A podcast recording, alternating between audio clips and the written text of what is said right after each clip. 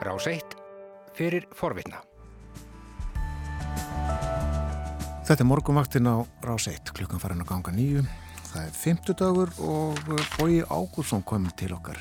Já, góðan daginn. Góðan dag. Góðan dag. Við ætlum til Damerkulbói og Já. tala um uh, úslit sveitastjórnarkostningana sem að framfóru í Damerku núna í vikunni.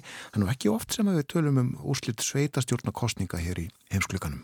Nei, það er það nú ekki, sko.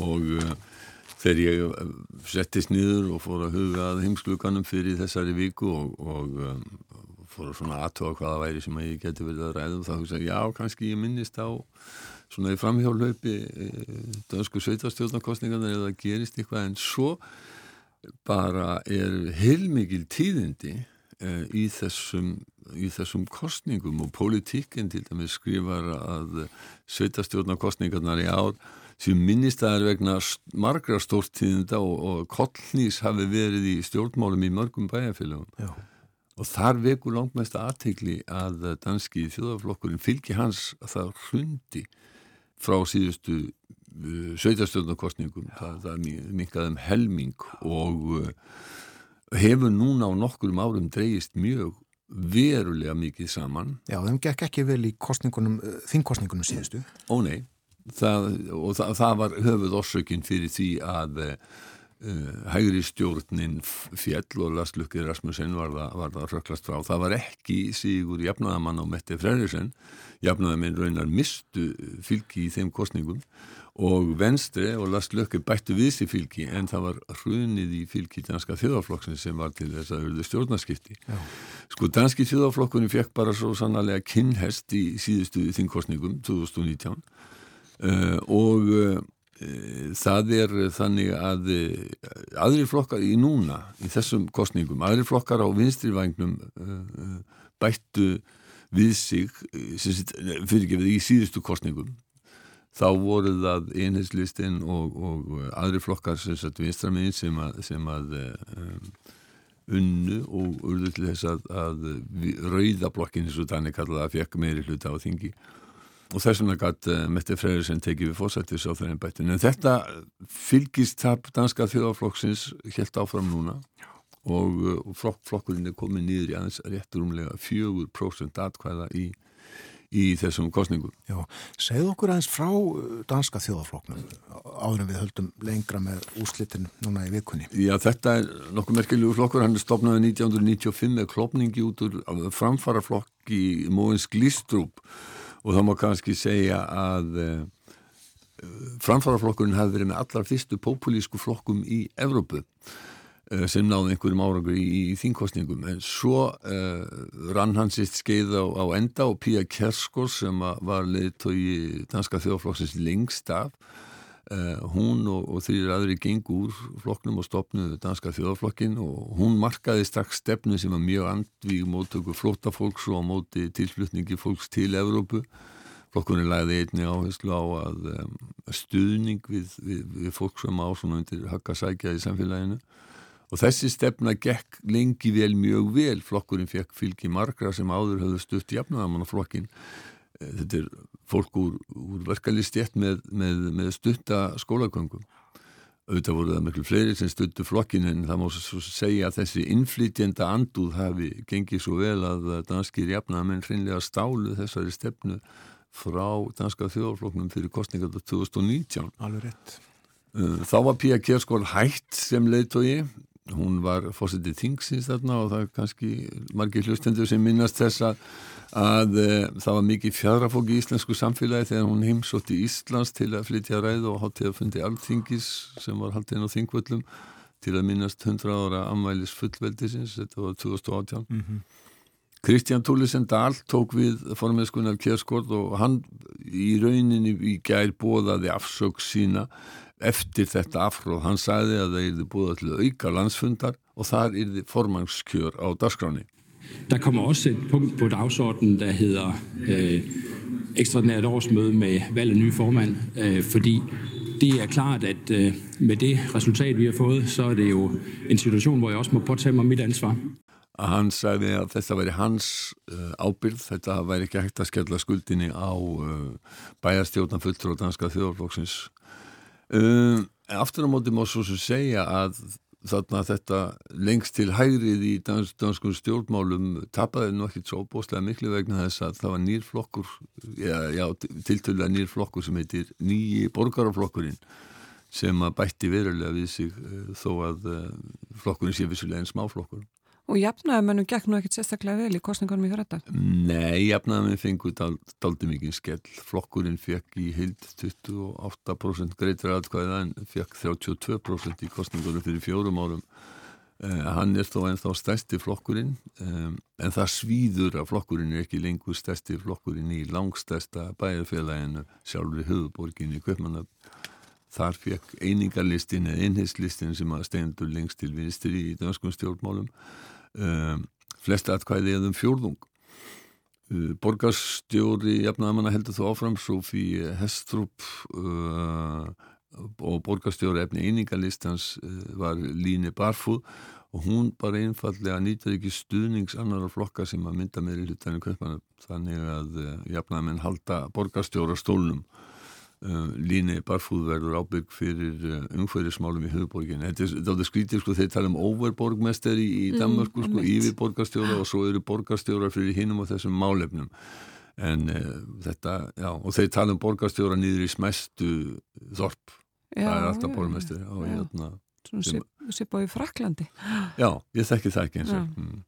En sko, jafnaði menn töpuð líka í öðrum stærstum borgum Danmarkur, Árásum, Óðinsvíðum og Álaborg í Kaupmannum fenguði 17,3% það töpuði þeir meirinn 10% stíðum uh, og uh, politíkinn bendur einni á að, að, að jafnaðamenn hafi tapað meirinn 11% í, í, í Herlef sem er í, í norðvestur kanti uh, Kaupmannafnar og hafi ekki lengur hreinan meiri hluta þar eftir, eftir langa, langa stjórn jafnaðamanna í, því bæjarfélagi. Og það eru margi sem að hafa bent á að að vandræði Freiriksens fórsættisráður á jafnamanna vegna minkaklúðusins og SMS skilabóðana sem týndist og við nú fjallaðum hér í hinskluganum hafi verið hluti af skýringunni á fylgistæpi jafnamanna Mette Freiriksen benti sjálfa á að stjórn hennar hefði tekist á við vestu kreppu frá lokum síðan í hinstyrjaldar en viðbröðin við koronaviru farðarinn hefði líka haft áhrif Altså, vi står jo øh, og har haft ansvaret i den største krise siden 2. verdenskrig, og jeg kan jo godt høre rundt omkring, der også er diskussioner omkring øh, coronahåndtering. Øh, og smitter det af? Øh, ja, det gør det givet, men... Hvað er ekkert, ekkert jákvægt fyrir jafnaða menn hana?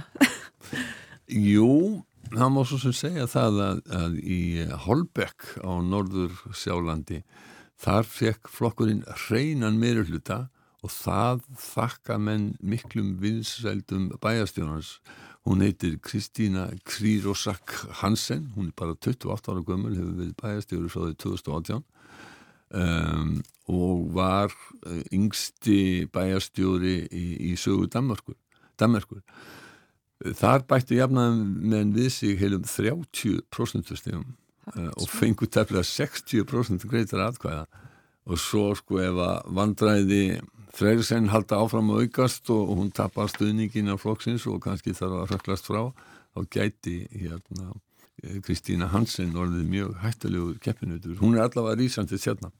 En hver, hver, hver eru sigurverar? Sko það er lítið á þessar kostningar sem prófstein fyrir formennflokkana Mette Freyrisegn, hún náttúrulega er ekki sigurvegar þessar kostningar. Sigurvegar kostningana er Sören Pappe Pólsen leitói íhalsmanna hann getur verið mjög ánæður vegna þess að íhalsmenn eh, eh, bættu langmestu fylgi við sig. Eh, hann er sjálfur mjög vinsæl og eh, það gæti farið svo að í næstu þingkostningum sem verða um, 2023 að þá verði hann eh, fórsættisráþar efni hægri blokkarinnar eh, og ef að þeir ef að hægri blokkin vinnur þá að þá er því það í fyrsta skipti og hann verður fórstættis á þar efni þá er því að í fyrsta skipti síðan og síðustöld sem að íhaldsmaður gegna þessu ennbætti en sjá síðasti var Pól Slúter Þetta er svo sem ekki séu ganga allstaðar, er það hjá íhaldsflokknum í Danmarku í þessu sveitastöndarkostningum er það? Mm, nei, þó að það hafi bætt þessi fylgi við að skvar þeim svíður eru glæð aldrei sárt að, að missa uh, Fredriksberg uh, þetta er í fyrsta skipti í sögu Fredriksberg sem að, að bæjastjórun er ekki íhalsmaður Simon Aggesen var bæjastjóri og raunar bætti flokkurinn við sig uh, atkvæðum þarna og hann fekk hérna mjög góða svona persónlega kostningu en venstri sem að, að stuttan tapaði og vinstirflokkarnir þar gekk einhilslistin líka mjög vel. Og og uh, þeir fá ná meiri hluta þannig að það verður jafnaðamæður sem verður bæjarstjóri. Aftur eins og í köpmanöfna þá uh, er ekki húmór fyrir því að uh, auningarlistin fái bæjarstjóri Segð okkur frá Freyrisbergi Freyrisberg, já Ég segi nú sjálfur að það er álíka gáðilegt að Freyrisberg sé sjálfstætt bæjarfélag og Seltjarnar skuli vera.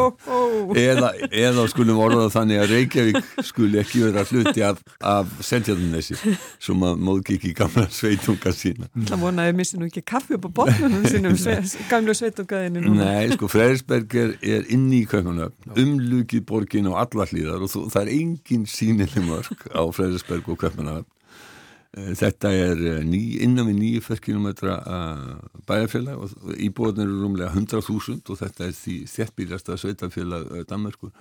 Þetta svæði hér áður Túlehói sem að þýðir samkvæmt Wikipedia á ennsku er vísar til þýðir þularæð og vísar til, til norrætna miðalda og, og þula og þess hlutverk sem að, að kannski hafa lög verið sögð upp á, á hæðinni þarna í Frýrisberg núna er bæjarfélagi kent við Frýrisborgar höll sem að stendur þarna á hæði Frýrisborgargarði þetta er mjög fallegt svæði höllin og garðurinn í rókokostíl og sjálfsagt uh, þetta var sumarhöll dansku kongan áður fyrir þetta er núna uh, aðsettur danska lísfóningaskólans og efalíti hafa margir íslendingar komið aðna vegna þess að þetta er rétt hjá á, á dýragarðinum í, í, í, í Götmanöfn og þarna er eins og um, já, íhalsmönnum hefur gengið mjög vel. Og það má svo sem segja það er fylgni millir tekna og politíska skoðana Fredsberg er einn af háborgum danska íhjaldsins, svona líkt og, og sjálf, fylgir sjálfstæðarsflokksins á Íslandi eða hver ekki meir enn í, í Garðabæ og, og Seltjarnesi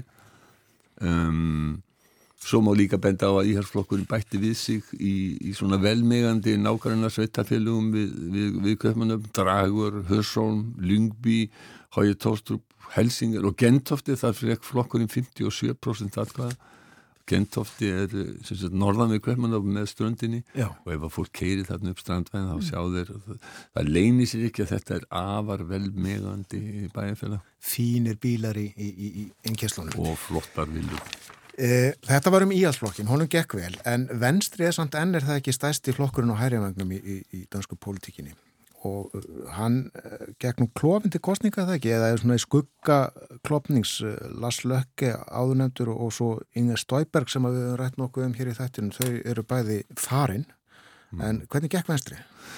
Sko pólitíkinn lagði út frá því og sagði að venstri gæti nokkuð vel við unna og formaðun Jakob Ellimann Jensen hafi yfirlítið haldið niður í sér andanum en, en flokkurinn hann tapaði bara 2% stugum frá síðustu kostningum uh, og fekk uh, taflega 22% og vann raunar á Norður Jótlandi í region Norður Jótlandi að Norður Jótlands svæðinu Danmarku skipti í svona fimm regionir eða svæði og það var einnig kosið til stjórna þeirra.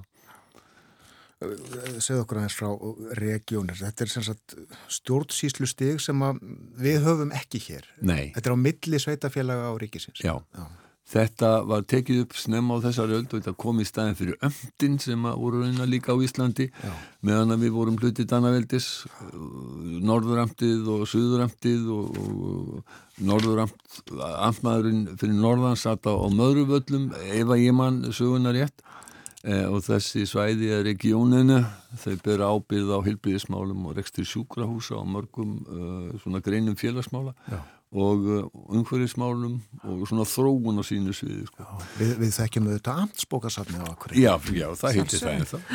Það heitir það ennþá. En aðeins verðum Jakob. Já, sko, nú gerist það síðan í gerðkvöld að þá er það upplýst að lögreglan hafi sagt á förstu dag að þeim hefur ekki tekist að endurskapa SMS skilabúðin frá uh, Metti Freyrisson og, og, og ráðundi stjóra hægri hönd hennar í minkamálinu. Og við höfum nú talað um þetta áður og við sem bara til þeirra hefum og, en þetta var ekki tilkynnt fyrir í gær eftir kostningarna og þá varð allt brjálað. Þið er sátuð vísvitandi að, hérna á þessu sko. og Jakob Ellemann Jensen formaðið næstir, hann var spurður í beitnu útsendingu í frettum tíðar í gerðkvöldi hvort hann tríði ekki ríkistjórninni sem að segði að hún hefði ekki getað byrt upplýsingarna frá lauruglunni fyrir henni í gæri degi eftir kostningarna Nej, det gør jeg ikke. Þetta var stutt og lagur. Nei, það gerir ég ekki.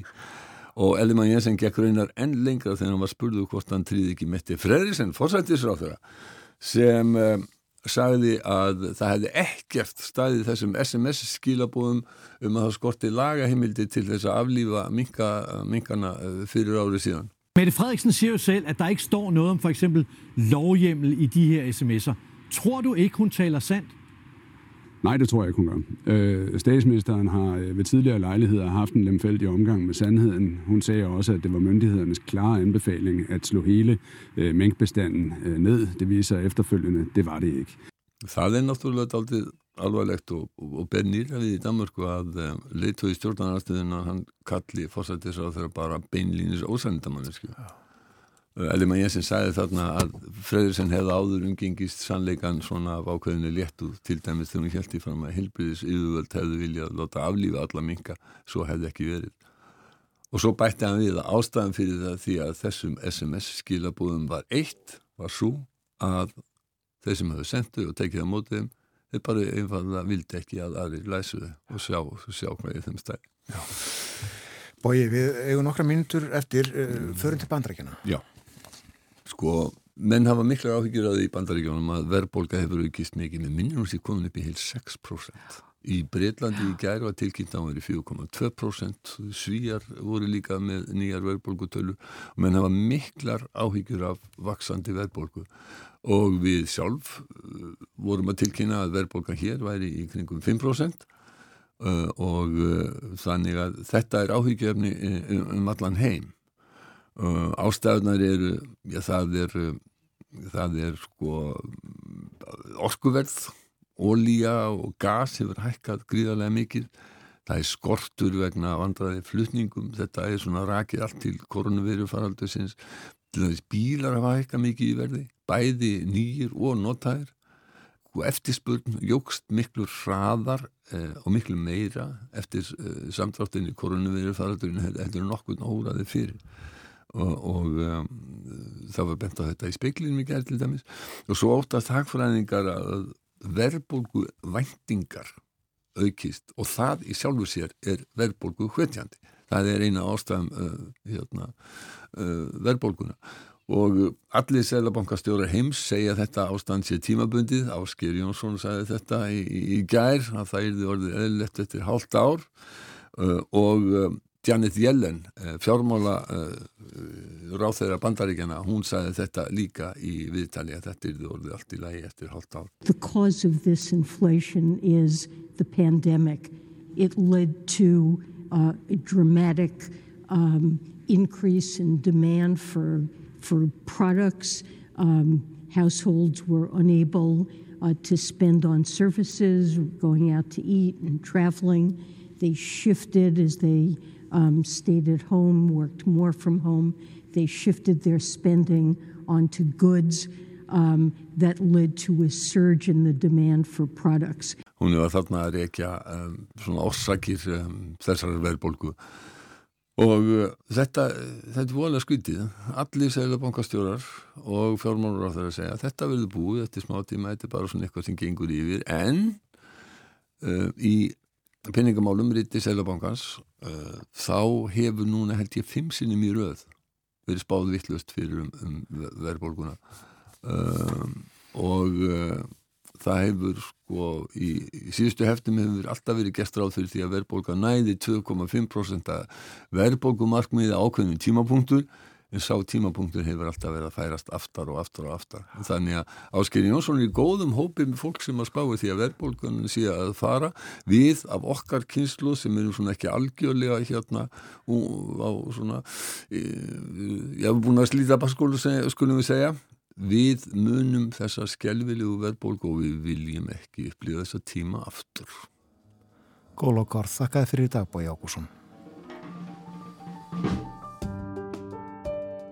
Varst að hlusta á hlaðvarpsþátt frá Rás 1. Ef þið langar til að heyra meira, farðu þá á rúf.is skástrygg hlaðvarp eða spilaran á rúf.is skástrygg útvarp. Rás 1 fyrir forvitna.